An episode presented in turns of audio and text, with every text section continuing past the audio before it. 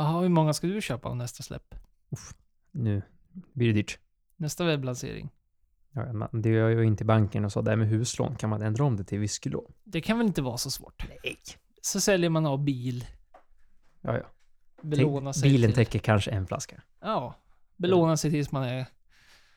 Ja, hur gammal blir man kanske? 70? Kändes gammalt. Räkna med 40. Amortering till 70. Ja, det är värt. Ja. Hela vägen. Men det kör vi på. Det, det känns, som en, känns som en plan. Så att eh, det blir något gäng flaskor. Ja, det blir det. Nu jävlar. Nu, Nu kör man vi igång på igen. allting. Ja, fan. Som vi brukar säga, man kan ju dela på en flaska. Ja, alltså, om vi går ihop, du och jag, då, då blir det inte så jättedyrt. Nej. Det blir ju halva priset. Ja, det blir ju billigare än vad det hade varit annars. Så är det ju. och de som inte hänger med då, så är det nästa vecka. Nu blir det liksom, det är inte veckans släpp där, utan det, det är fortfarande på slutet. Men nej, man blir ju så här när man tittar igenom de här listorna, och så nästa torsdag, alltså på webbsläppet, så släpper de ju... Ja, vad, ska vi rabbla upp dem lite snabbt eller? En Mm. Highland Park 40-årig för 55 000. The Macallan Final Rare Cask 1990 150 000. Highland Park 54 500 000. Sen, ja, lite billigare Glenfiddich där på 5 och 6. Det, det, Fan, det ser ju helt plötsligt väldigt Fan, görbart ut. Den måste man köpa. Det ser väldigt görbart ut. Och sen glider vi in på Macallan Double Cask 2023. 30-årig. 47 000. Och så har vi The Macallan Tales of the Macallan Volume 1. 750 000. Så vad har vi för total här? Det är ju... Ja, det är ju ett hus i varje fall. Ja, ja absolut. Det, det är det ju. Så att... Eh, Men Så att, eh, hur många ska du köpa? Ja, det, är, det är ju kul att faktiskt de här släppen egentligen kommer till Sverige. Det är ju inte så många flaskor, men det är ju den här, vad är det man pratar om procent? Om det är 25 procent är intresserade av whisky så är 10 procent av de som är lite nördiga. Av de 10 procent kanske 5 procent har en högre budget. Av de 5 procent så är det 1 procent som har råd att köpa det här. Det är ju typ så lågt. Och så många folk som kan köpa de här flaskorna. ja, eller såna hardcore-investerare. För alltid när man sitter och garvar åt såna här priser så är liksom Ta- Tales of the Macallan Volume 1. Visst, den kostar 750 000. Men köper den där och sitter så kan man ju... I alla fall om man ska historiskt, det det är inget ekonomiskt råd här. Men eh, den kommer ju säkert klättra med tiden ändå, trots att 750 000 låter helt sjukt. Så, ja. Kanske någon som sitter där ute och tänker så. Ja, då blir ju den här, de släpper ju även en Macallan Harmony, den tredje releasen på någon serie de håller på med nu. Den kostar ju bara 1800, den blev ju helt plötsligt jättebillig. När man bara Allting jämför. blev ju billigt om du, Allting är billigt. om du jämför på det här. Det är ett trevligt släpp överlag. Men vi återkommer till det naturligtvis i veckans släpp som vanligt. Om du inte visste det så har du kommit till De snackar alkohol podcast. Med mig och dig, Du och jag. Marcus och Viktor. Hej hej, Hej hej. hej hej. Vi dricker, som vanligt, Ja, det är bra. någonting till detta avsnitt. Och det här är, vad ska vi kalla det för? En, eh, en gåva. Jaha. En En, gå- gåva. en gåva till podden. En gåva till podden, det är ju väldigt trevligt. Det är väldigt trevligt. Tack tack. Tack, tack. Och det är ju lite i tid med den tiden som är på väg. Det är ett eh, Josetta Safirio, tror jag uttalas, italienskt rödvin med eh, tomta på. Så det är lite, mm, en liten tomte, eller vad ska man säga, det är ju enligt deras egna hemsida så är det ju gnomes och det är ju skogstomta va? Alltså ja, det, så, ja, gårdstomte Ja, typ. precis. Gårdstomte. Och det är ju, historien är ju att de att varenda natt så ska de liksom ha sett en liten tomte där på gården, gått runt och kollat till huset med en, eh, åka på en, vad säger man, en liten vagn som dras av möss. Det är en liten, liten rolig historia. Var de nyktra tror du? 100 procent. Alltid nyktra när de såg den här tom, tomten med mössen. Men det var ju trevligt. Väldigt trevlig och det, och det är ju ett hus som har funnits i 200 år. Så att, det- och familjeägt. Så att det är ju det är kul att det har liksom hållit sig inom familjen det här med och jag tycker att väldigt trevligt. Det är ju en eh, Lange Nebbiolo vi dricker nu. Mm. Och det är ju, vi har ju pratat mycket om Nebbiolo så vi går väl inte in sådär jättedjupt i Nebbiolo. Men en rolig sak är att vi alltid har pratat om hur Nebbioli oftast krävs någon typ av mat. Och det har vi inte nu. Vi har inte ens tilltugg. Vi var så jädra noga när vi drack i Barolon där att vi skulle ha tilltugg och vi hade skärk och vi hade... Vi gick ju all in får man väl ändå säga till samhörigheten men det är väl kanske någonting det är med i och för sig. Hur kan man dricka Nebbiolo-vin utan någonting typ av tilltugg. Och nu är vi inne, jag vet inte, man har väl tagit fem klunkar hittills, så det, är svårt att säga nu. Men det kanske ni hör på våra röster sen när vi liksom blir alldeles så här uttorkade och liksom strävheten kommer ut i våra röster. Kan hända. I alla fall eh, väldigt gott än så länge. Det är ju strävt som du säger, men det är inte så alltså mastigt så att det känns som att det tar över någonting. Utan det är fortfarande väldigt trevligt att bara dricka så här tycker jag. Än så länge. Ja, verkligen. Precis. Och än så länge tror jag vi måste understryka. Det kanske slutar med att vi springer och hämtar någonting ur skafferiet för att liksom skölja, skölja käften. För det är ju det som är grejen med den här strävheten. Det är ju munkänslan på något sätt. Det är ungefär som när man dricker viss typ av dryck överlag. Man får någon sån här konstig munkänsla. Jag tycker den bästa man kan dra där är nästan kaffe. Det kan låta fånigt, men ofta när man pratar om munkänsla, man kan prata om olika typer av filtreringar när det kommer till ja, vilka typer av alkoholhaltiga drycker som helst. Och just för att få en dra, för de flesta har ju druckit kaffe som man känner antingen är ganska, ja men såhär tjockt. Och sen alldeles för svagt kaffe som liksom blir i konsistensen och munkänslan blir någon typ av... Förstår man vad jag menar nu eller? Tror du jag har tappat alla? Jag tror jag förstår. Jag tycker det är lättaste sättet att förklara just munkänsla. För munkänsla, för någon som inte haft referensen till det, så kan det bli svårt. Men jag tycker kaffe oftast... Det brukar vara en referens folk känner igen, liksom att munkänslan på olika typer av koppar kaffe man har druckit. Det håller jag faktiskt helt med om. Det är samma som om man dricker lite för mycket te. Kan man också få den här andra känslan. Det är så många drycker egentligen som ger sådär.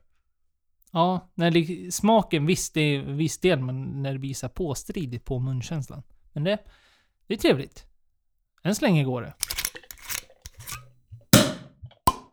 Alla som följer oss på Instagram. Var det bara Instagram eller var du duktig och la upp på Facebook också? Nej, för fan. Inte Facebook. Man har ju bra koll jag har också. Gjorde du det? Nej. Nej, jag var duktig. Ja, men det var det, var det faktiskt. Jag var ju lite snäll, för jag var ju faktiskt där i söndags också. Jag tänkte jag behöver inte lägga upp massa bilder igen, så det sket jag faktiskt i. Ja, det är faktiskt snällt mot alla bakfulla människor Ja, som ligger där och inte vill se sånt där trams. inget trams. Gott. Ja, nej, så att eh, Nannan var i storstan och eh, var på konsert i söndags. Så gjorde man en obligatorisk lördagspubbrunda, tänkte jag passa på. Jag, jag och en arbetskollega som åkte och han hade inte varit på de här vanliga ställena skulle jag säga i Stockholm, så vi gick eh, igenom. Vanliga och Många. vanliga. Det ska väl sägas att det är dina vanliga ställen Mina i vanliga Stockholm. Ja, det är liksom di, di, din liksom checklist på att hit ska man gå. Ja, i alla fall en gång. Och det är ju trevligt. Och då började ju med Belgobaren. Var där första kund till och med. Vi drog i dörren innan de hade öppnat, så kom de öppnade. Så tidigt var vi i Stockholm. Ja, men det är väl, det är, det är väl bra. Ja, bra start. Det var en bra start. Det blev en eh, Westmalle trippel och en Chimay på tapp. För båda oss. Så vi tog bara en öl, sen gick vi vidare, käkade lite lunch och jadda. Och sen rörde vi oss mot eh, Gamla stan. Och där finns det ju, som de många vet, till exempel den stora Ardbeg Embassy. Om man är whiskyfantast har nog många varit där. Och det, har man aldrig varit där så är det ju absolut, det är kul att sitta där och ta, ta en dram. Vi satt i baren och tog någon god öl och drack två olika whiskys och det blev eh, två Springbanks, den senaste Local Barley tror jag det var, 11-åriga, och Springbank 15 och en Brookladdy Black Art 94 och så testade jag deras Ardbeg Cask, den här tunnan de har där. Mhm. Den måste jag ändå säga, den var nej, lite besviken. Den var lite tunn faktiskt. Jag trodde den skulle ge mycket mer smak, men ja, den- det är ju gott, det smakar Ardbeg. Så att, Mm. annars så... Drack du någon öl där? De Mm. brukar ha ganska trevliga öder också. Alltså Mm. nog för att det är en whiskybar, men... Jo, men de hade Oppegårds pilsner tror jag den hette. Mhm. Och, det, och sen drack min kollega någon annan som hette verkligen någonting och nu sa att jag har faktiskt slängt kvittot för jag vill inte se vad det kostar. De hade inte en sån där tjock rököl som de brukar kunna ha som man får i sånt Jo. där Ardbeg ölglas. Jo, de hade det, men varken jag var, su- jag var inte så sugen på det just då. Äsch, vadå inte sugen? Jag var inte sugen. Jag drack whisky. Ja, jo. Men sen efter det så gick vi ju till eh, irländska puben lite längre ner där. Och då tog man ju en vanlig Falcon. Det la jag ut för att visa att man även dricker vanligt. Och gud vad inte bra den var. Efter att dricka en massa god öl så var ju Falconen inte så bra. Nej, jag kan tänka mig det. Och det, som en standard tapp de brukar inte vara sådär jätteduktiga ibland på, nu ska vi inte kasta det här stället i, under stolen, utan det här är generellt sett, skulle jag på, vilja påstå, på barer som har sådana här standardlager. Att oftast kan ju de inte vara sådär jättegoda. Nu är det i förhållande till det du drack innan, givetvis. Så att det, det har väl lite annan ton, men jag tror de flesta känner igen sig där. Ibland kan man ta en stor stark, för man, ibland, jag håller helt med. Man är sugen, man är inte sugen på något annat än bara en vanlig lager, framförallt när man är ute med kompisar och sånt där. Man bara ska ta sig en öl liksom. Snacka skit, Mm. typ. Men även då så kan det liksom, ah, här har de inte varit jättenoga med. Nej, li lite så var det. Och det var ju, vi skulle käka och vi hade tid på Tweed Bar i Gamla stan. Efter det vi skulle käka, så vi sa vi tar en vanlig öl, käkar, så satte vi oss där.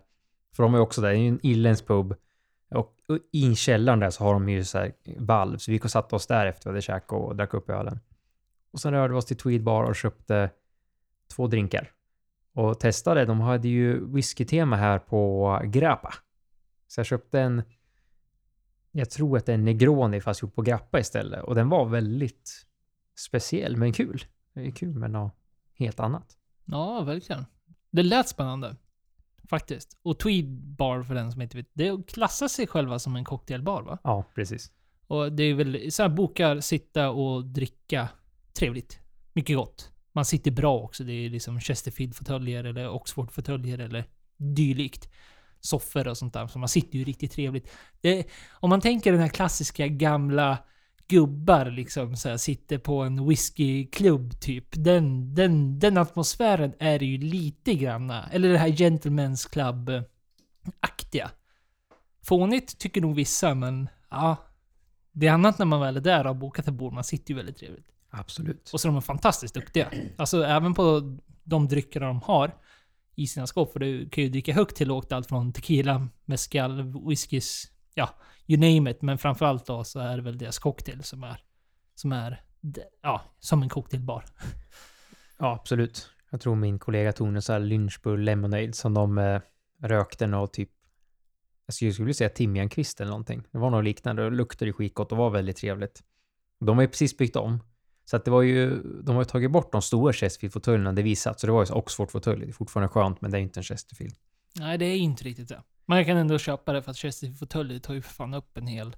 Ja, det, det känns som att de hade utökat, och jag tror de har slagit ihop typ Vinja Tondoni eller vad, vad den heter, deras vinbar de har. Så det var ju mycket mer bord och restauranger där det förut har varit fåtöljer. Och det kanske, det är ju en smart sak.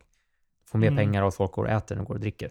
Ja. Och vi är i Gamla stan, Stockholm nu, ifall du är arg och inte mi- missade den delen. Så vi är i Stockholm, Gamla stan. Absolut rekommendera. Det var trevligt. Blev även två finare whiskys och sen blev det två vanliga. Så att vi drog ju på, jag tror nästan det var samma jag drack förra gången. Det var ju en Macallan Exceptional Single Cask 2014. Och då blir man ju som förra gången, man, man blir arg. För så här bra kan Macallan vara, men de är inte så bra. Och eh, min kollega tog en Glenfarclas 30. Ja, det är trevligt. Alltid gott. Ja, det är, det är gott. Kan understryka. Ja. Och sen eh, så blev det en vanlig Michters Bourbon och min kollega tog en en japansk whisky, jag inte vad den heter, med slutlag på Misonara Oak. Och det är lite kul att det är japanska eken, så att det, den var också god, så att jag är svårt för japanskt. Tycker att liksom inte får så mycket smaker. Nej, det är ju lent. Ja, Alltså det är mycket det fina, eleganta, milda smaker så som de oftast dricker sin whisky om man då ska in, inte dra alla över en kam. Men eh, lite så är det ju lite den typ... eh, Det den karaktären man associerar japansk whisky allmänt som. absolut. Tycker man att det är gott, alltså det är len, du vill inte ha något bitigt, du vill inte ha någon, eh, alltså så här, alkohol alltid, då, då är det absolut japansk whisky. Det, det är gott. Men det är en, det är en len, fin whisky kan man absolut säga. Ja, det är ju raka motsatsen mot en Cabletown eller något annat så här skitigt, uppkäftig Ja, ja, ja. whisky. Absolut. Det här är absolut inte det. Det här är... Det glider i. Absolut. Fint. Väldigt fint. Efter det så rörde vi oss vidare till eh, den sista, jag tror det blev sista baren. Och nu kommer jag inte ihåg vad den heter. Det var ju där vi var också innan vi var på Tweed. När vi var i Stockholm. Ja, jag, jag är helt borta just nu. Men Nej, i alla fall, de hade ju lite roliga bourbons. Så eller köpte ju en eh, Sazerac Rye och en E.H. Taylor. Och sen köpte vi en vanlig Sankt Eriks IPA. Så satt vi och avslutade kvällen där och trevligt. Den här Sazerac Ryen kan jag absolut rekommendera om den kommer upp. Den var riktigt bra. E.H. Taylor Bourbon var, ja, inget speciellt. Det var ingen, ingen julgran. Mhm. Sen, sen gick jag tillbaks, inget mer. Och sen dagen efter så var det konsert, så det blev inte jättemycket så här findricka. Vi gick ut och drack lite och letade på lite nya pubbar, gick runt och kolla. Vi tog en roligare whisky. Ja, min kompis testade Kilkerran Heavily Peated. Och han blev ju förälskad i den. Ja. Ja men det, det ska man bli. Ja.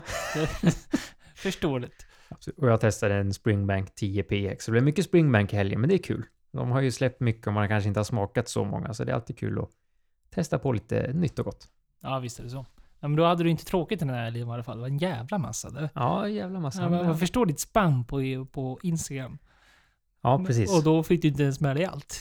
Nej, nej, nej. Jag la ju inte upp någonting. Vi var ju på... drack väldigt mycket trevligt. Ja. Och vi var ju med ändå på lite roliga ställen på söndag, men det var inget speciellt så. Vi drack några öl, tog några Irish coffee. Du vet som man går bara i lugn och ro i väntan på konserten, så rörde vi oss vidare. Så att, men inget... Sagt, det, jag tycker det blir jobbigt när det är 30 reels eller 30 inlägg på Instagram. Man bara, hopp, ska klättra igenom allihopa. Så jag kände att det, det räckte med lördagen, för det var ändå då man Ja, gick ja, på för den här fan. riktiga pubrundan som man... Ja men det är ju trevligt. Man vill ju se vad folk dricker. Det är ju det är ju kul. Roliga. Ja, absolut. Roligt spam. Roligt. Ja, det, det tråkiga med att vara ute på en söndag, det var ju att till exempel Munkbron som du rekommenderade, den var ju stängd. Nya Carnegiebryggeriet i Hamburg Sjöstad, det var också stängt. Så det var många av de här ställena man hade velat gått på, som vi har varit på tidigare och som du rekommenderade, de var ju inte öppna då på söndag. Nej. Konstigt. Folk Nej, det det. inte på söndag. Det var det. Nattvard. Nattvard. Ja, du då? Eh, jo tack, jag drack inte sådär mycket. jag har liksom inte en hel, hel Mosebok om man ska fullfölja referensen. Men jag har, ja men, hade vänner över. Drack, ja men så här allmänt trevligt gott. Eh, jag drack mycket rött faktiskt. Men, eh, ja trevligt. Jag köpte någon flaska, någon, eh, apropå nu när vi sitter och dricker Nebbiolo så var det en Piemonte, men det var inte Nebbiolo-druvan just det här. Så skulle det passa bra till pizza då jag gjorde ett försök till nästan napolitanska pizzor. Det blev ganska bra. Passade vin, faktiskt. Och sen var det väl inte så mycket. Jo, knäppte upp och så drack vi en Anok eh, for Sweden. Vad den nu heter en 16-årig whisky, en sherrydänga, som är helt fantastisk. Den har en sån här torr... Ja, Det är inte den vi har druckit, det var någon ny det här. jo, den har vi druckit. Ja, visst har vi druckit den? Ja, ja. Ja, den här senaste släppet. Ja, Ja, ja, senaste. senast, den är ja. ganska gammal faktiskt. Men, Ja. men det blev så här jättehypat ut, ut på sidorna helt plötsligt. Mm. Ja, men den är men, god. eh, ja, Den, det är så den ska smaka. ja, visst. Och de är ju slut nu tyvärr. De släppte ju så här typ 260 flaskor i Sverige eller något sånt där. Men som är, ja men vanlig sherrydänga, så det är egentligen inte jättespeciellt. Men sen tog min vän med sig, han hade snackat om någon drink. Nu har jag glömt bort vad den heter, det kommer jag ju inte tycka om. Det är så här, ja, det är i alla fall, det är svartvinbärsvin blandat med vodka något mer. Ja, det är livsfarlig jävla sak var det. Jag tror jag drack bara alltså, någon drink eller där, men alltså gisses. Det var trevligt, gott, men livsfarligt. Och det var väl det som var själva skämtet med det, eller liksom grejen med det, att det är lättdrucken sak, apropå drinkar och sånt där. Så det var trevligt.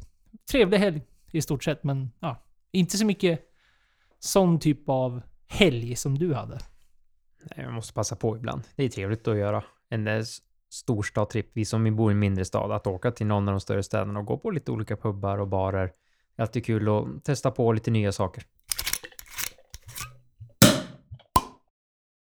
Apropå vin med tomtar på. Tomtvinet, det är inte så det kallas. Jo, jag tror det. E- enligt, enligt människor. Ja, jag tror det. Ja, tomtevinet. Så har vi en annan sak. Nu kommer det. Är det, är det för tidigt än? Jag tror faktiskt inte det. Nu måste man börja anamma julkänslan och nu kommer det ju på här, vet du, vad heter det? Mix Megapol jul...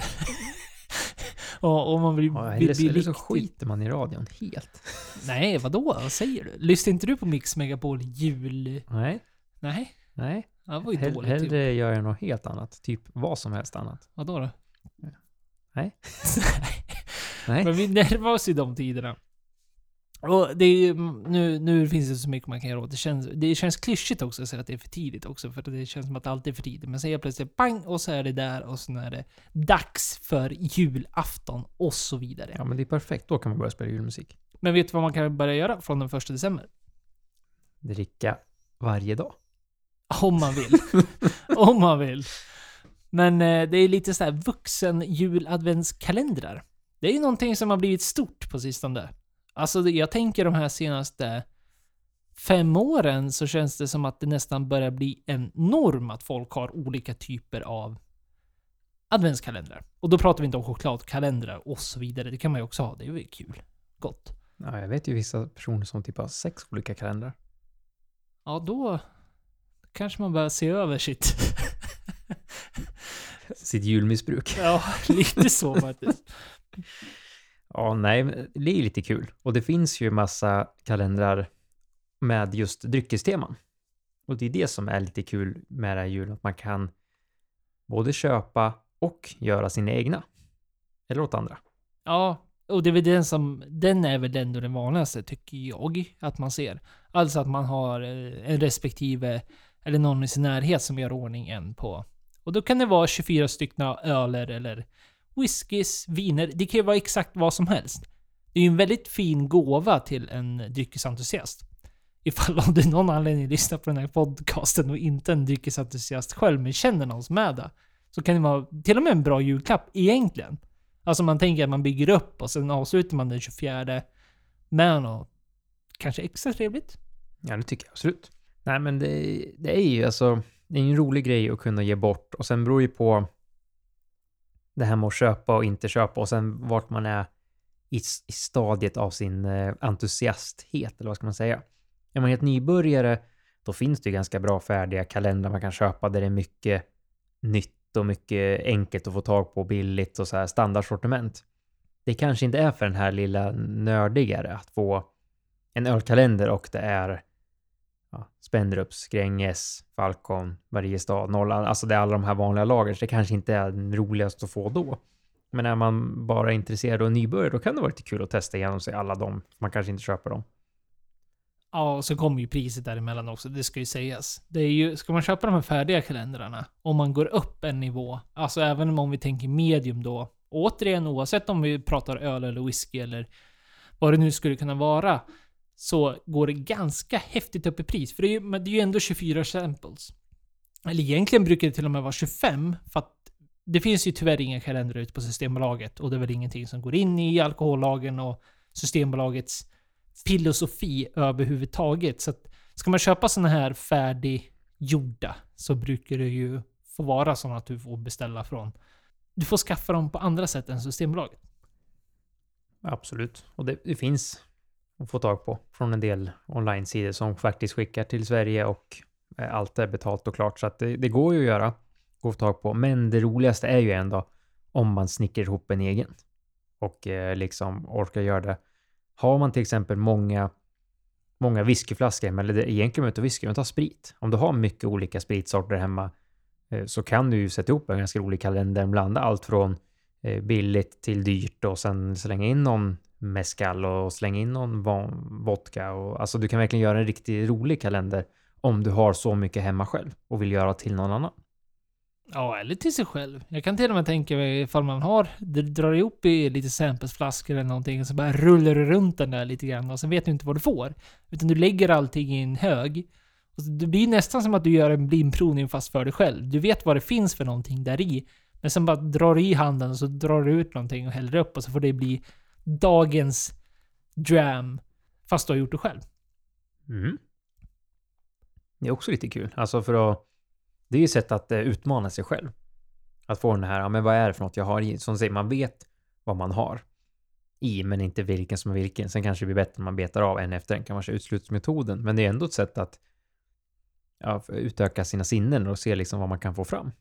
Ja, verkligen. Det tycker jag. Och det finns ju olika nivåer på det här, det har vi redan sagt. Men även när jag tänker, för jag tror det är ändå många där ute som tycker att att dricka exempelvis 3 centiliter per dag är för mycket.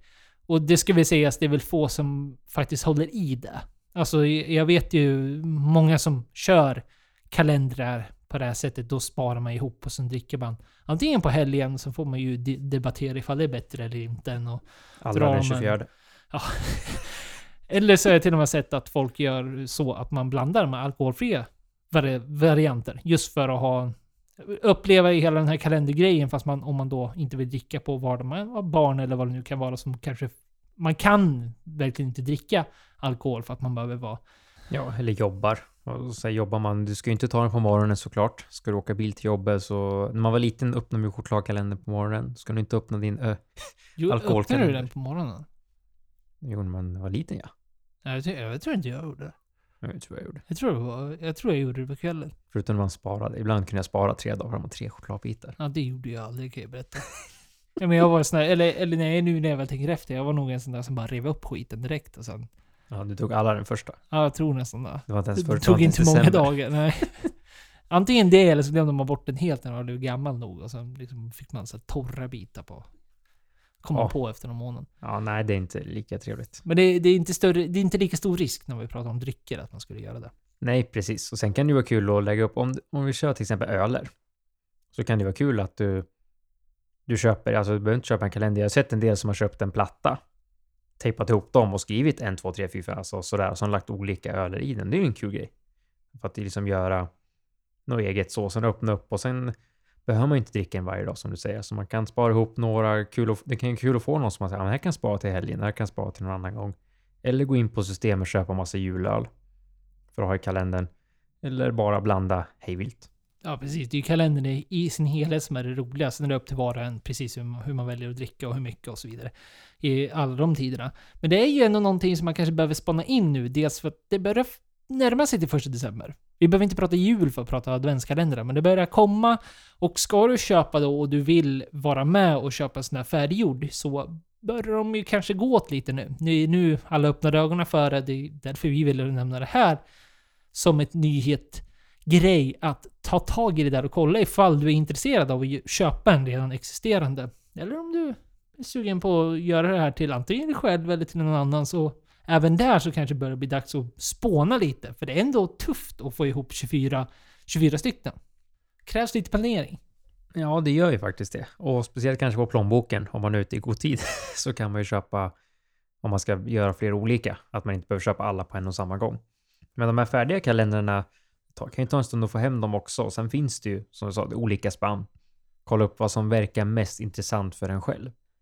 För jag har ju testat olika kalendrar, så, så här, som man har, har köpt både en så här, som man inte vet vad det är, lite billigare och sen testa någon lite dyrare och så märker att för en annan så är de billiga i sig. Ja, de finns ofta på systemet. Det kan vara någon som inte gör det. Och det är kul att testa. Men det är ju, jag tycker inte det var samma upplevelse som om man testar någonting som man kanske är mer intresserad av att testa. Jägermeister. Kvalitet. Jägarmästare. Ännu mer kvalitet. Nej, nu kanske folk tänker nu börjar vi prata Jägermeister. Nu börjar den här podden spåra mer och mer. Stänger av direkt. Var precis som när vi drack eh, Matteus rosévin då direkt. Så folk stängde av direkt. Det är den här 15 sekunders knappen på alla poddappar spammas i nuläget. Nej, varför vi tar upp Jägermeister, det är ju inte för att de har gjort något dåligt. Det skulle man annars kunna tro. Utan de har gjort en high-end likör. High-end liquor, det är inte heller någonting man associerar Jägermeister med. Eller gör du det? När du hör Jägermeister, vad är det första du tänker på? Kvalitet. Kvalitet.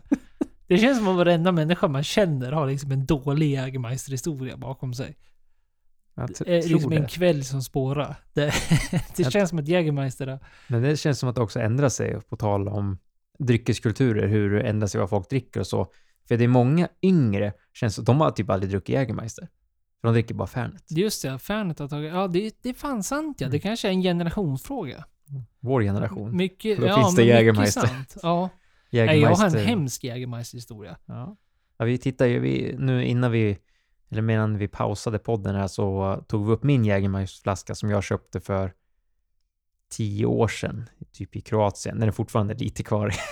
Ja, det är inte bra alltså. För den Nej. även, den är ju så här tjock att det liksom, Ja. ja. det är likör i och för sig. ja, jag är inte heller någon stor likörmänniska. Alltså det är så. en kokation av, av, tittar jag upp det här också, vad är det? 56 örter. Kan du nämna tre? Bra för kroppen. Ja, det är bara chansa. Det är liksom, kan man ens 46 örter? Det är. Nej, jag tror inte. Nej. Nej. Ja, ja, men nu, high-end. Nej, De har alltså släppt en eh, 25-årig Jägermeister. Det är alltså en Jägermeister som har lagrats 25 år i en Oak Barrel. Som då kallas för 9556 nätter. Eh, eller 9556 nights of exploration. Så att det är, det är verkligen de köttar ju på med att det ska bli någon superkvalitet det här. Att det ska liksom vara, det här är, det här är grej. För den kommer ju även i en trälåda. Och den, de marknadsför det som att den här ska drickas i en tumbler. I rumstempererat. Det är ju inte det här klassiska man associerar. Vi riggar det lite nu här på Wikipedia. Som skriver att den optimala serveringstemperaturen på en Jägermeister ska vara 18 grader. Må så vara för att få smaker och allt som möjligt. Men vi börjar prata om det. Det liksom är inte hela Jägermeisters grej att den ska liksom served ice cold. Ska alltid vara i såna här eh, typer av frys tjosan fräsan och allt möjligt. Och det är ju för att dölja smaker alltså. Eh, generellt. Eller? Jo, men så är det absolut. Men den här ska inte göra det då. Utan, De har även höjt ABVn på den. Så den är 40% istället för 35. Ja. Så då, då har man ju ändå gjort någonting mer, kan man väl säga. Och man, Det man blir ju ändå lite nyfiken. Ja men det blir man väl. Jag menar det är ju svårt som en, oavsett om vi snackar Jägermeister eller vad vi än snackar, som dryckesentusiast så skulle jag ju absolut inte tacka nej. Ifall jag skulle se den här. Då skulle jag, jag skulle jättegärna vilja prova den. Men sen är det ju det att de ska släppa den här och prispunkten på den här är ju 560 euro. Och hur mycket? 560 euro. Ja det är en del. Ja. Det, Ja. det är ju som den här Glenfiddichen som vi pratade om som släpps. En 26-årig Glenfiddich eller en 25-årig Jägermeister. Vad väljer du? Eller istället för att köpa en Highland Park 40 så köper du flera sådana här. Kan du göra? Ja, ja. Ja, det här, nu är vi på spåret här igen. Nu sparar du pengar. Ja, verkligen. Alltså, det, är ju, det känns som att det har blivit en grej med att fler och fler vanliga märken och sånt har börjat ska göra high-end. Det, det här vi har pratat om tidigare med premiumization, att det ska bli mer lyxigt och folk vill köpa dyra saker. Vi pratade inte för så länge sedan om någon polsk vodka som var lagrad 30 år i en ståltank. Som skulle säljas som en 30-årig vodka som man också blir så här, ja, Ja, precis. Och det är hela grejen som man tror att det, marknaden har gått om. Liksom whisky sålde mer än öl för första gången i många marknader. Exempelvis om man då ser till värdesmässigt då, inte, inte volym. Det, det är självklart att öl har sålt mest. Men premiumization är ju en grej. Och det går väl inte att säga att de liksom var det här på spåret kanske för att de har lagrat den i 20 plus år. Men man kanske kan dra slutsatsen att det är kanske är därför de valde att släppa det nu. Ja, istället för att vänta. De kan ju ha sparat några, så gjorde några sådana här och släpper dem var eftersom.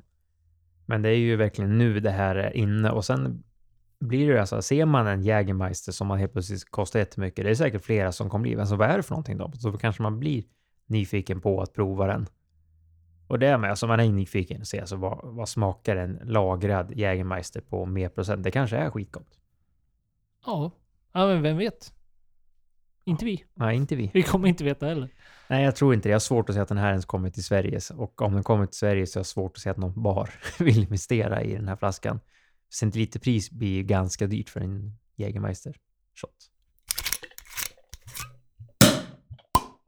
Om du då skulle ta din, din lagrade, dyra, fina Jägermeister. Vad hade du velat äta till den? Då måste man ju ta något som passar till de här örterna. Ja. Ja. Alla 56 örter. Det här är ju egentligen ett ganska roligt instru- eller experiment om man skulle testa sig fram vilken maträtt passar till Jägermeister. Ja. Det känns... Anna, någon annan får utföra den studien, det kan jag ju berätta. Nej, det skulle vara kul att testa med någon köttbit. Om Ja. man ska se om det går att få någon bra matchning där. Men sen vilken kött? Ta pass på. ja. Vad skulle du? Du ta? Nej, jag vet inte. Korv med mos. Surströmming kan inte bli värre. Drycker och mat.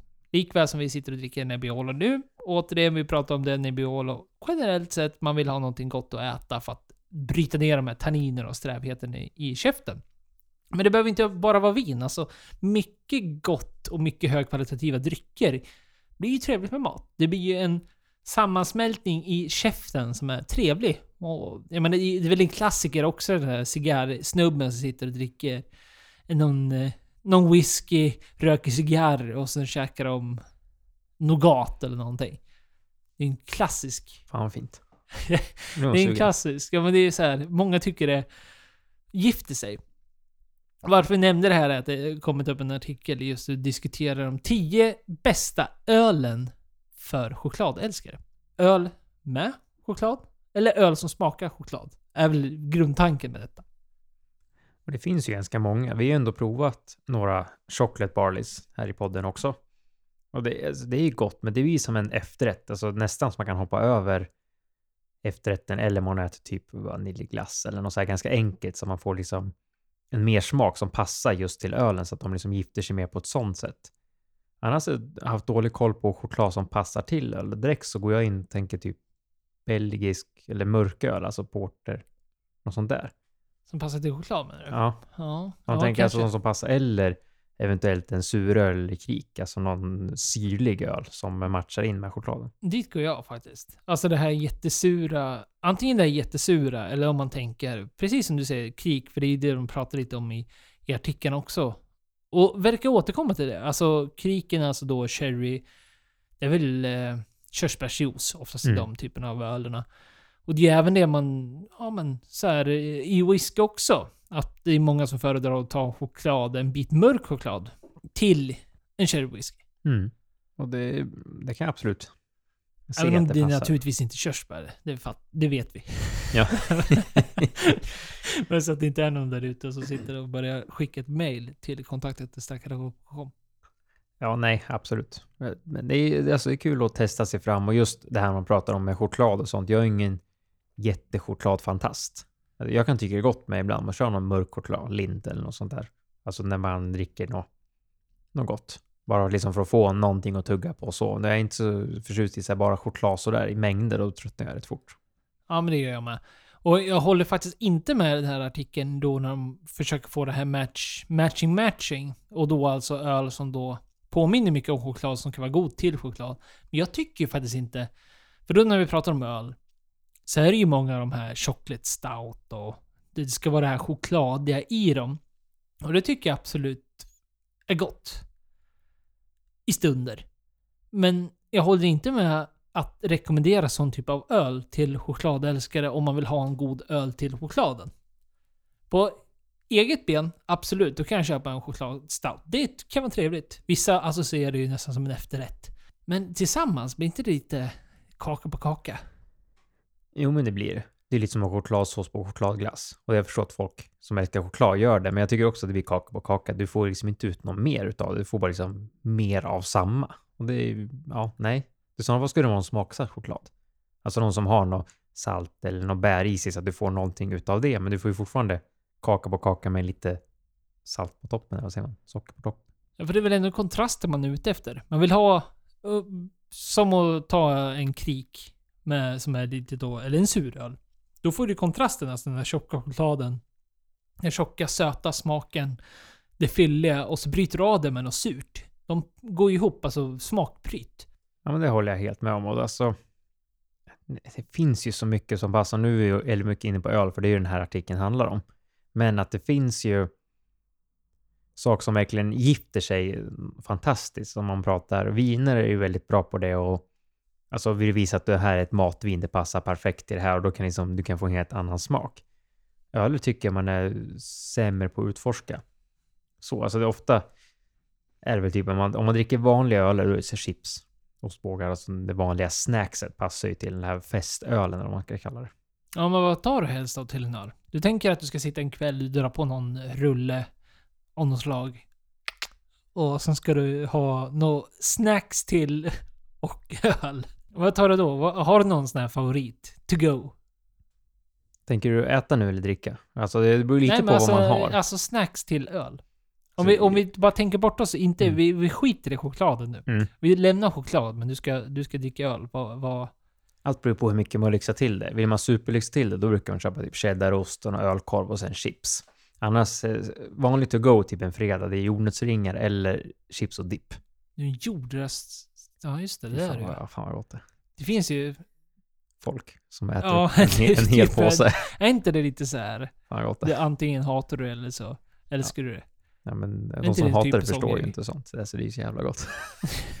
Det är liksom hellre en liten skål och sen tänker man, man ska inte ta med. Sen har man fyllt på skålen tre gånger, sen är typ påsen slut. Ja, men det är som en vanlig chipspåse. Den är antingen, det finns två stadier, antingen öppnad eller så är den slut. Det, Ja, något jag, däremellan. jag brukar tröttna på kravlar ihop chips. skiten.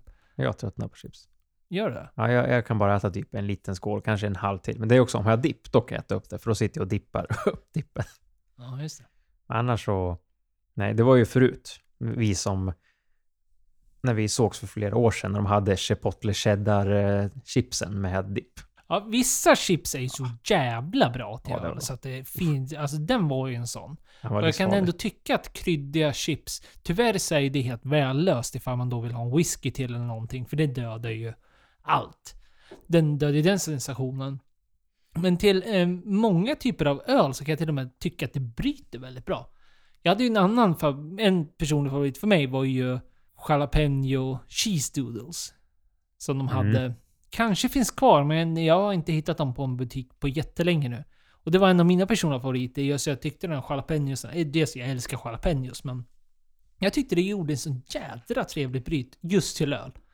Mm, absolut. Och jag, jag kan tycka att chips och dipp, det är en sån här som funkar för mig. Vilken, vilken öl man än tar, alltså vad man är sugen på. Sen beror det på, kanske inte passar till alla öl, men när jag är hemma, men ändå de mesta av Ja, jag ändå- ja, alltså. Jag tänkte också sitta, kan vi verkligen vara dryckesentusiaster och sitta och generalisera öl på sånt stort spektra? Men jag tror nästan jag ville gå så långt att det, det finns ju sina anomalier där med. Men det är många Nej, men tänker, man, som tänker vi på oss stilar. själva? Alltså så, jag kan gärna ta en trappistöl eller en mörk öl eller något sånt där. Gärna, alltså, sen kan man vara en vanlig lager någonting. Alla de jag dricker tycker jag det passar till. Men jag är inte så mycket suröl så, så jag vet inte liksom om man skulle ta till exempel nu när det är jul, kan man ta Lussylelle, saffransöl. Jag vet inte hur bra den skulle matchas med chips och. Nej, det är ju sant. Nej, det, är- det är återigen, de har ju sina anomalier, men om vi ska dra den breda penseln nu, då, då tycker jag ändå att man kan generalisera så pass att öl passar bra Ja. till chips. Det kan jag hålla med om. Och popcorn. ja, ja, pop, Men, men popcorn funkar väl till... popcorn, mesta. alltså man dricker ingenting. Man äter ju popcorn och så sitter man, just det, jag har öl också. Ja. Men ingenting slår ju ändå ett riktigt schysst charkbord och ett bra glas vin. Ja, nej. Alltså det tycker jag ändå. Pratar vi snacks nu och vi... Ja, vi har ju lämnat chokladen så länge. Men pratar vi viner och så pratar vi... Alltså... Kex. Det är ju en klyscha, så är det ju. Men det finns ju en anledning till det också. Jädrar vad gott det. Ja, det är gott. Så vi- vin, när man hittar den här perfekta matchningen nu om man pratar mat och vin i generalitet, det är samma sak. Får man skaldjur med ett bra vitt vin eller ett mousserande, det är också så här, ja fantastiskt.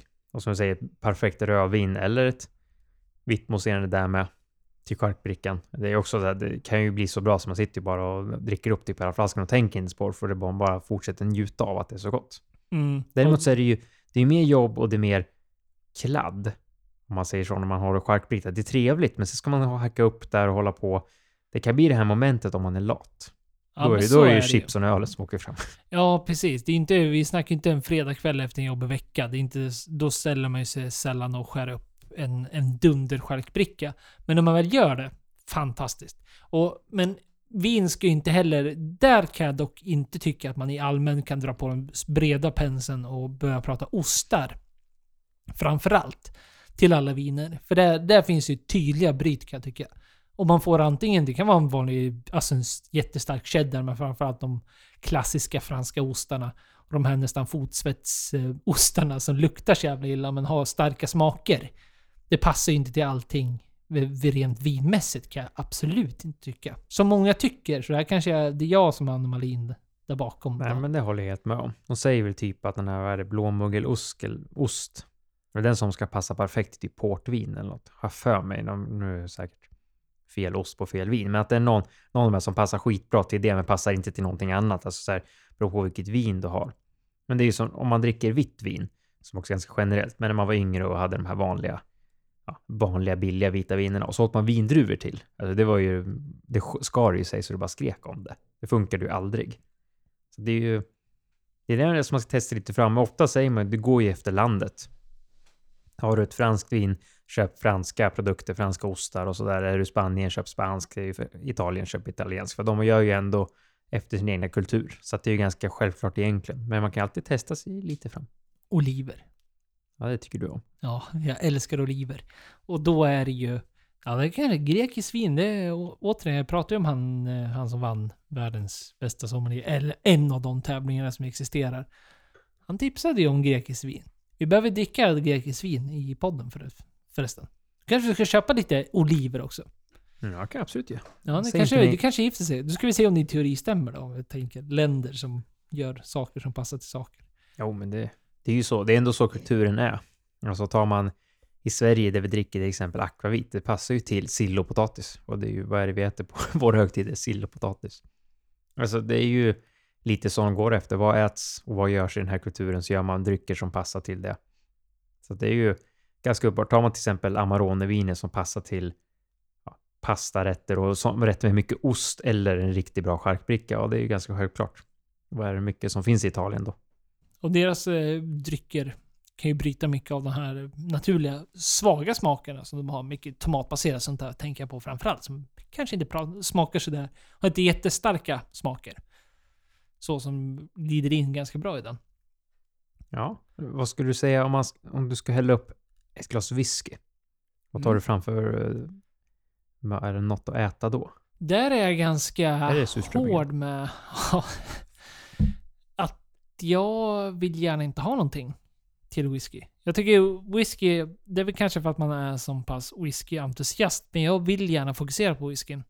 Vi kan ju prata lite annat ifall man tar upp en vanlig... Ja men man, man sitter ett gäng och sen tar man bara fram en whisky för att man vill dricka whisky. Jag menar då absolut, då, då kvittar det. Jag är en sucker för nötter också. Framförallt de här honungsglaserade. Jag tror, är det Extrella som gör Är det Extrella eller Estrella? Estrella. Estrella. Det är så man säger. Estrella, de är ju någon sån här honungsglaserade med cashews eller mandel. De tycker jag är helt fantastiska. Och de är jättebra till öl för att det är ju den här honung. De blir ganska söta som bryter bra. Men jag har märkt att de passar väldigt trevligt till en rökig kan jag tycka. De bryter av dem. Och då pratar vi inte jättekomplexa rökiga whiskys. Utan nu, nu menar jag liksom vanlig trevlig, god. Ja men vi pratade om Bunhabin Moin bara för några veckor sedan. En trevlig man kan ta fram ifall man har sällskap över som gillar och vill avnjuta en whisky. Man vill bara ha en whisky. Alltså likväl som man ibland vill man vara en öl, så likadant är det med whisky. Man behöver inte liksom sitta och fancy fancy till det hela tiden. Utan ibland vill man bara ha en whisky. Och då kan jag tycka det passar bra.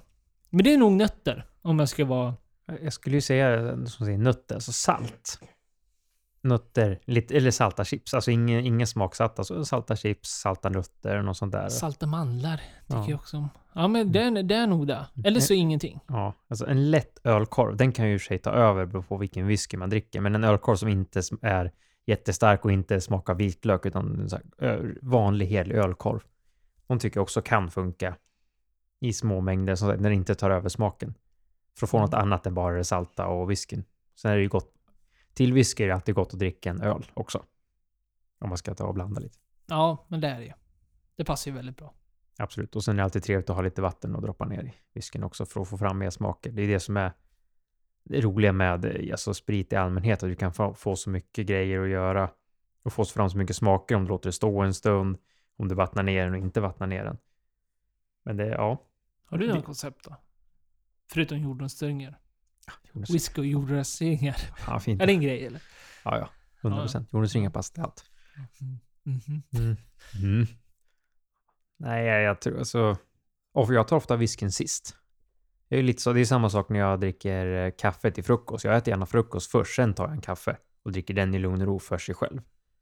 Ja, men då är vi likadana alltså. Att egentligen att vi inte dricker... Vi, alltså allmänt sett så äter vi inte till whiskyn. Man vill inte Nej. ha någonting som bryter i whiskyn. För att whiskyn oftast så... Ja men det, den är så standalone med alla sina smaker och allt vad det är. Det kan man ju argumentera för att även en öl och ett vin kan vara. Så att det är alltså inte något annat. Men det är snarare, det handlar väl mer om våra personligheter och vår relation till whisky snarare till en relation till något annat. Kanske. I det här fallet. Jo, men så ska jag. Alltså, den enda gången jag äter något whisky, men då dricker jag något annat. Alltså när man, när man har tagit en så här en fredag kväll, man har gått till jobbet, man, liksom, man har ledig helg eller någonting och man tar en cigarr och eh, en öl och så tar man en whisky också. Så kanske man tar fram lite chark och korv och så. Då kan jag dricka. Men då är ju inte whiskyn i fokus. Alltså då är den ett komplement till allt det andra och då häller man ofta inte upp något jättekomplex heller. Men när man liksom, som du säger, alltså när man ä- tar whisky då är ofta man äter klart och sen sitter man bara med whiskyn och kanske ölen också. Att det är som det är de som man sitter och skiftar på. Jaha, då kommer vi hit då. Till slutet av avsnittet. Där vi pratar om veckans släpp. Det svindyra. Ja. Lånet får vi se om det blir beviljat. Det är Ja, väl möte med banken här där de liksom aldrig har öppet. precis. Och jag känner ju det att får man inte det här lånet, då måste vi välja något annat. Så det är väl det vi får välja nu. Ja, precis. Det är väl där vi får hamna. Även, alltså, ska vi nu prata dyrt så är det ju många som kommer tycka... För vi visste ju redan innan vi började prata om det att vi skulle välja samma öl. Och vi har ju då Ja. valt Fullers Vintage Ale. Som släpps den 24 i 11 För 85 kronor. Och det vi vill ha sagt med det är ju att det är många inom, tänker man perspektivet öl, som kommer tycka att 85 spänn är ju väldigt mycket pengar för en öl. Det är det i och för sig. Det, det går väl inte att säga något annat heller. Det är en halv liters i och för sig, 8,5% i och för sig. Men 85 spänn för en öl. Jag tror det är få som går runt med sin eh, kundvagns... Kundvagn eller korg på Systembolaget och spontan droppar en öl för 85 kronor. De har, Därför inte- måste de den inte, nämnas. Ja, de har inte smakat den. Den är ju fantastisk. Ja, det, det här är ju... Det här är ju alltså eh, årets släpp för mig. Jag har ju köpt de senaste åren när man har när de har släppt som man liksom har haft lite tillgång. Vi hade ju en provning ganska tidigt i vår poddstart här. Eh, Vi pratade om att lagra öler. li- Lite allmänt sådär. Och då dricker vi ju och provar några stycken. Jag tror tidigast det var 2017 kanske. 2017, 2018 så drack vi förra årets 2022. Mm, Minns jag rätt då? jag tror det. Vi drack tre. Ja. Eller var så får du gå och lyssna 2020. på det avsnittet och se hur fel jag har. Men Mm. Absolut. Nej. Så vi har druckit den här i podcasten. Och det här är alltså en eh, årsrelease som Fullers alltid gör. Och poängen med de här är alltså att för varje år så får bryggmästarna, eller bryggmästaren, full kontroll på att välja de absolut bästa råvarorna de haft under året. Och få göra ett nytt recept och sen kör de en ny öl för varje år. Och Fullers, vi har pratat om det, jag har pratat om min ISB, vi har pratat om London Pride, vi har pratat om Cab. Black Cab heter den väl. Deras stout som finns där ute. Jag älskar ju sån här typ av engelsk vanlig ale. Det gör väl du med. Och det här blir ju ja, men pricken över i. Det är ju en fantastisk öl de gör. Ja, ja, alltså det... Ja, eh, hands down den bästa ölen enligt mig. Och det finns mycket som är gott, men ja, jag har köpt de flesta och sen köpte olika. Jag köpte tio stycken förra året. De är ju dyra, så det är så här, ska du köpa tio stycken nu, ja då lägger du 850 spänn. Och det är mycket pengar. Och året innan det, jag kommer inte ihåg om jag köpte, men det är ju en, ja, en hel låda ligger. En systemet-låda full med olika vintage av den här. Och det är så här, den, den kan ju också lagras i tio år. Då, så att det- säga. vi ska säga, det går ju att laga längre, men bäst före-datumet är 10 år. Om man, om man ska utgå från det. Men det går ju att laga längre. Vilket gör att det är ju en kul öl att testa. Du kan ju liksom verkligen samla på dig i olika vintages och testa och lagra, se vad som händer. Ja, det är mycket pengar, men du får ändå en halv liter. Och det är 8,5 procent. Och det, det är en bra öl. Alltså, köp och prova i alla fall en. Bara se vad man tycker själv. För sagt, jag, jag bjöd eh, för två år sedan eller tre år sedan när jag skulle köpa det var under pandemiåret när Systembolaget släppte bara i, på vissa systembolag när det inte gick att beställa. Sämsta året någonsin. Då hade ju jag en kollega som bodde i Strängnäs, nej, en kollega, en kompis som bodde i Strängnäs.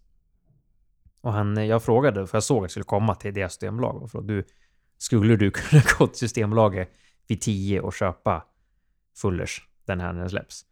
Och han jobbade hemifrån så han, ja men jag kan gå och handla. Så, hur många vill du ha? De släppte 10 och jag sa, jag vill ha alla. Och så var det en innan som ville köpa en, så han köpt, den köpte två så fick jag resten. Men och då gav jag en till honom och han sa ju det bara. Ja, alltså det här är ju riktig öl. Alltså till och med han fick den och han var han är ju ingen stor öldrickare då. Men ändå fick den reaktionen. Mm. Ja, men de är jättegoda och de är roliga att bara prova olika typer av vinter. Alltså de skiljer sig verkligen åt. Jag har haft flertal sådana här provningar där man ställer dem mellan varandra. Och det förra årets var helt fantastiskt. Det är en av Mm. mina personliga favoriter. Så att jag har eh, stora förväntningar på detta. Absolut en stark rekommendation från oss båda. Eh, Fullers Vintage Ale 2023. Eh, 84,90 så ja, 85 kronor. Släpps den 24 i 11. Jag fortsätter med lite rom. Hädanefter. Det är ju så att eh, Plantation släpper sin, också nu när vi pratar om så årliga saker. Men eh, de släpper sin eh, single cask kollektion. Och 2023, som då är väldigt spännande. Och de släpper alla buteljer tror jag. På Systembolaget på samtidigt. Ja, det ser ut som det. Och själva poängen med det här är att de, de släpper den från en västindisk ö. Och varje ö har ju liksom sin historia och den har sin typ av... Ja men, går det att kalla det för smakprofiler? Det tror jag. Alltså det Ja, är ju ändå starka så här, de indiska öarna och karaktärer kanske man kan kalla det för. Så att de släpper ju totalt sex styckna.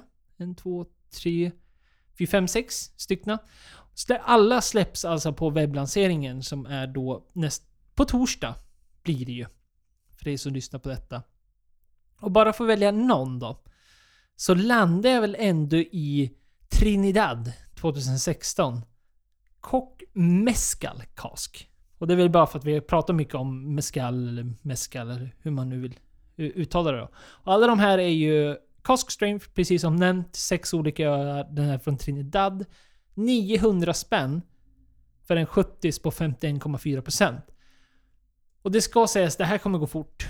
Eh, det här är ju romälskarna där ute kommer vara hårt på det här. Så att är du intresserad av att prova någon av de här singelkask eh, som kommer ut så måste du nog vara på plats och het på knappen på torsdagen när den väl släpps. Alltså den 23 klockan 10 precis som vanligt. Den här kostar 900 kronor.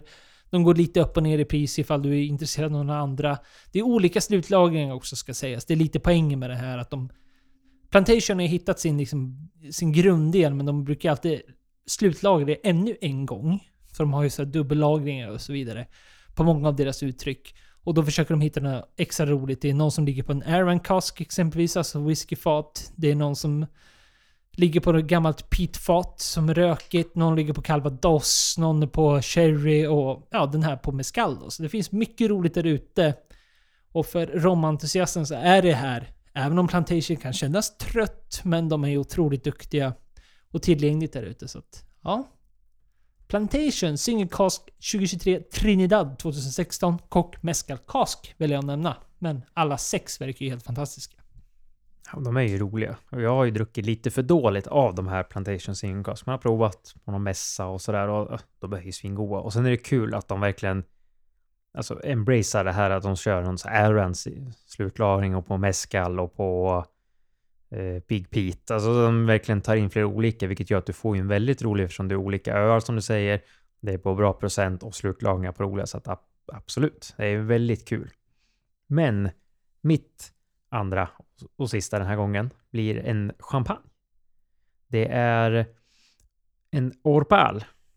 Och det är Saint Egal som släpper sin Blanc de Blanc Grand Cru Brut, Brut 2012. Som då kommer släppas den 24 11 för 899 kronor.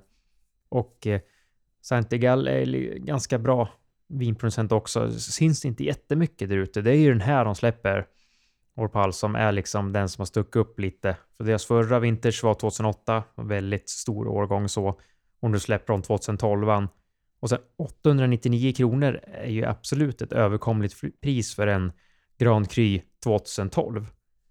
Och så att jag, förra avsnittet nämnde jag Bollinger eh, 18 i för som nyårsbubbel den här kanske till och med toppar nyårsbubblan med tanke på att den är från 2012. Och det är en Blanc de Blanc, lite kul. Om man tar båda två till en Bollinger är en 100% Pinot Noir så är den här en 100% Chardonnay. Kanske ska vara kul att lyxa till det lite på nyår. I alla fall en rolig producent. Jag har provat någon härifrån tycker att det är syrligt och gott. Och jag tror att det här är också en bra lagringswhisky, som, eller lagringschampagne som du då kan köpa på dig om du vill. En eller två flaskor och kan låta ligga. Köp gärna två. Drick en nu. Spara en till senare. Har du mer pengar, ja, köp fler och Testa olika omgångar. För jag tror att det här, det här kommer gå fort. Jag säger alla de här släppen, det är väl, det är väl Fullersen som klarar sig bäst. Som kanske finns på fler systembolag. Annars en Orpal Blanc de Blanc Grand Cru 2012. 899 kronor släpps den 24 i 11. Det var det. Det var det. Tack, tack. Hej då. Du häller upp vin. Vi har en li liten... Eh, är lite lur kvar i den här flaskan, men det var väldigt trevligt vin. Återigen så drack vi någonting som kallas för tomtevin. Det var du som har flaskan i näven. Rosetta Safirio, eh, Nebbiolo. Och sagt, tomtevin, trevligt att ge bort. Är det någon tomtefantast där ute eller julfantast så kul present att ge bort till julafton. Passar perfekt till mellandagarna till eh, lite rester och lite grytor när man har ätit slut på all julmat. Vä- väldigt gott. Trevligt nu när vi har druckit upp det. Jag tycker inte det fick den här strävheten som vi pratade om. Nej, verkligen. Väldigt trevligt vin. Och nu har vi, nu har vi babblat tillräckligt länge så nu tror jag många vill ta och stänga av oss. Så istället för att trycka på spola-knappen till slutet så Hej då!